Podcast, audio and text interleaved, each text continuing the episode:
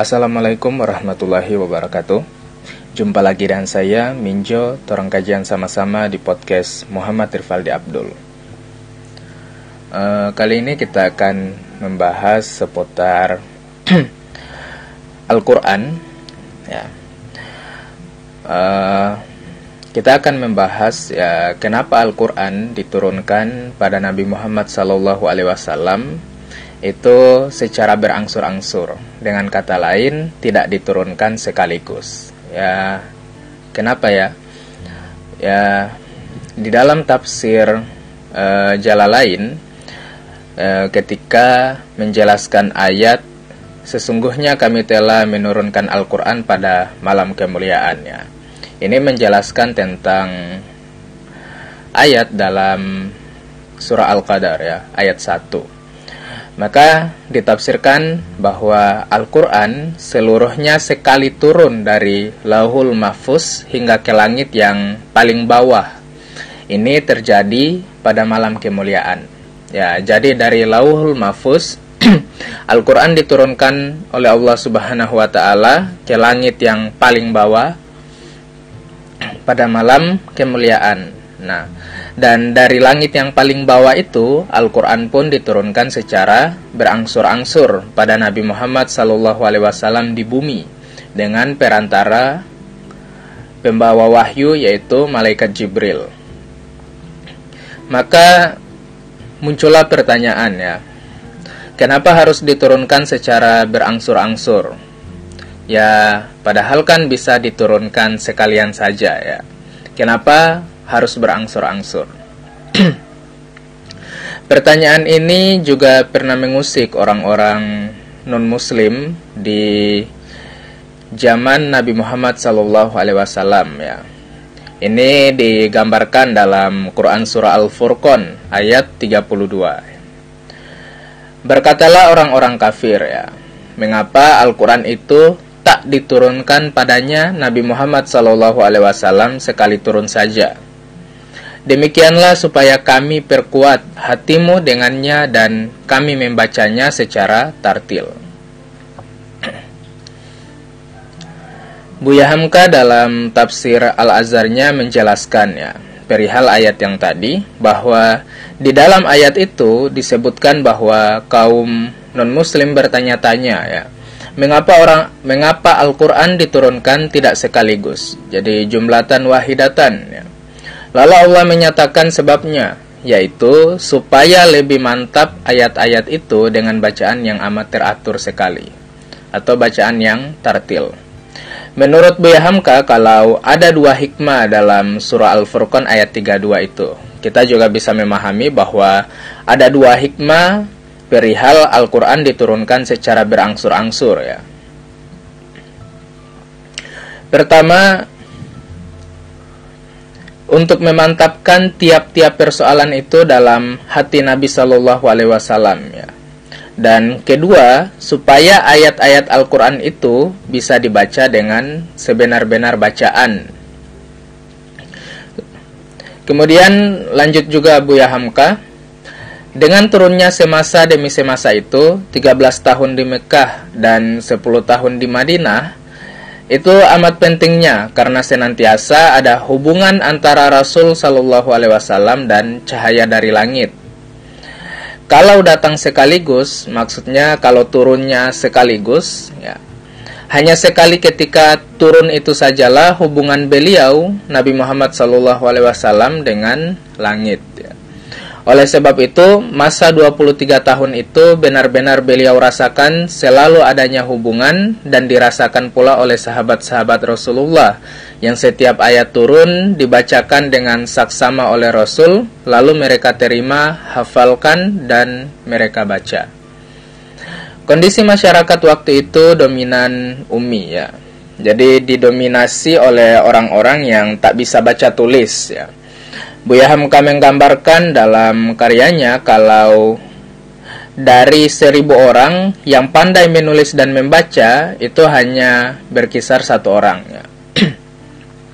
Maka dengan turunnya Al-Quran secara berangsur-angsur, ada berkat tersendiri pada tertanamnya ayat-ayat Al-Quran dalam diri para sahabat Rasul. Ya.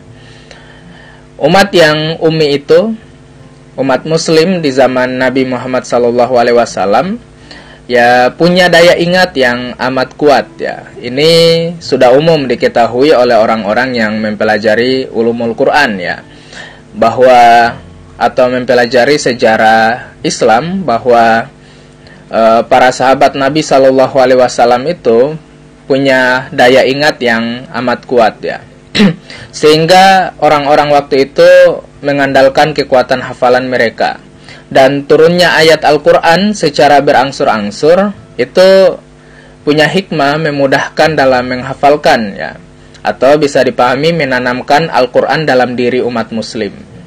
Setiap turun satu ayat, dua ayat, tiga ayat, dan seterusnya dibacakan oleh Rasul Shallallahu Alaihi Wasallam dengan tartil mengikuti Jibril. Maka para sahabat pun mengikuti bacaan Nabi Shallallahu Alaihi Wasallam dan menghafalnya. Ya. Ada juga yang dan ada yang mencatatnya. Ya.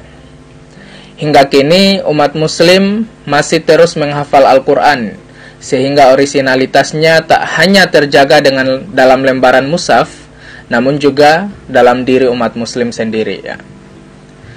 Dikata ada orang yang misalnya ya, ini misalnya ada orang yang amat benci dengan Al-Quran ya, sehingga dia membakar seluruh Al-Quran yang ada di bumi ini, maka Al-Quran itu tidak akan hilang. Karena kenapa? Hari ini ada sangat banyak ya umat muslim yang menjadi hafiz Al-Quran ya, orang-orang yang menghafal Al-Quran ya. Buya Hamka menjelaskannya, turunnya secara berangsur-angsur itu menjadikan bertambah kukuhnya ia dihafal sejak dari mulai turunnya dan hafalan dalam dada jauh lebih berhasil memelihara keasliannya daripada memelihara dengan tulisannya. Adapun buku-buku zaman modern kita sekarang ini, kata Buya Hamka, dapat bertukar makna karena kehilangan titik atau salah Z ya. Apatah lagi di zaman nukil menukil, salin menyalin dengan tangan dahulu. Tentu saja bisa terdapat kesalahan, akan tetapi dengan adanya hafalan karena kekuatan ingatan dari beratus bahkan beribu orang sehingga menjadi mutawatirlah sanat dari hafalan Al-Quran itu. Sehingga diturunkannya Al-Quran secara berangsur-angsur itu punya hikmah dalam terjaganya originalitas Al-Quran dari lauhul mahfuz ya ke langit paling bawah kemudian dibawa oleh Jibril pada Nabi Muhammad sallallahu alaihi wasallam sampai pada para sahabat Nabi sallallahu alaihi wasallam untuk kemudian hingga sampai pada generasi umat-umat muslim berikutnya. Cara bacanya dengan tartil pun ikut terjaga sebab para sahabat mendengar bacaan ayat-ayat yang turun secara berangsur-angsur dari Nabi sallallahu alaihi wasallam dengan bacaan yang tartil. Selain itu dengan diturunkannya Al-Quran secara berangsur-angsur Membuat setiap ayat turun pada konteks atau keadaan yang sesuai dengan ayat yang akan diturunkannya Jadi turunnya Al-Quran secara berangsur-angsur itu tak berurutan dari surah pertama hingga terakhir Ayat pertama hingga ayat terakhir ya. Jadi tak berurutan dari misalnya kalau kita buka mushaf Al-Qur'an itu dimulai dari Al-Fatihah, kemudian Al-Baqarah, kemudian ditutup ditutup dengan surat surah An-Nas ya. Jadi tidak berurutan seperti itu ya. Bah, sebagaimana yang umum kita ketahui kalau uh, ayat yang pertama kali diturunkan oleh Allah Subhanahu wa taala kepada Nabi Muhammad Sallallahu Alaihi Wasallam adalah Iqra bismi rabbik ya. Jadi Al-Alaq ayat 1 sampai 5 ya kalau ya. Jadi Nah, misalnya uh, pada pada apa?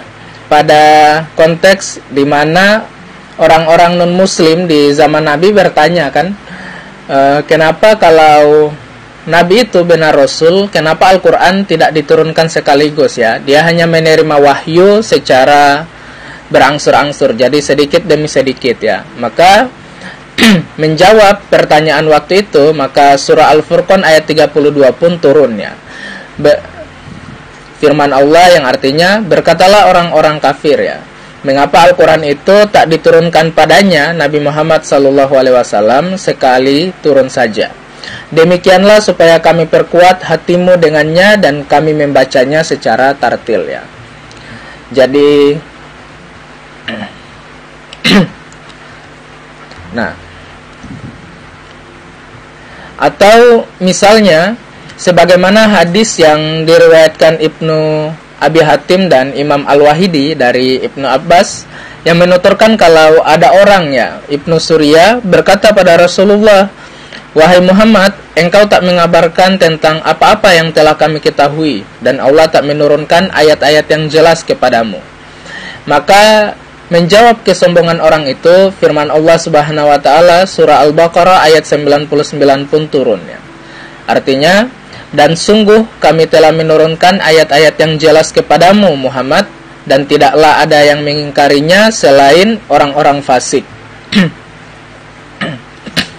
Jadi selain memantapkan ayat-ayat Al-Qur'an dalam diri Nabi Muhammad wasallam dan para sahabat Nabi wasallam sehingga originalitas Al-Qur'an dari Lauhul Mahfuz hingga sampai dalam kehidupan manusia terjaga ya. Sebab turunnya berangsur-angsur dan juga ada ayat-ayat yang turun menjawab atau merespon suatu kejadian yang terjadi dalam masyarakat waktu itu. Dalam term ulumul Quran itu dikenal dengan istilah asbabun nuzul ya atau sebab-sebab turunnya ayat Al-Qur'an. nah, karena turunnya secara berangsur-angsur, maka ada periode turun di Makkah dan ada periode setelah Nabi hijrah atau sudah di Madinah. Maka dikenallah pembagian klasifikasi surah dan ayat Al-Qur'an itu ke dalam uh, Makia dan Madania. Demikian pembahasan kita kali ini. Semoga apa yang saya sampaikan ini bisa bermanfaat. Sampai ketemu di episode podcast selanjutnya. Wallahumul afiq ila Wassalamualaikum warahmatullahi wabarakatuh.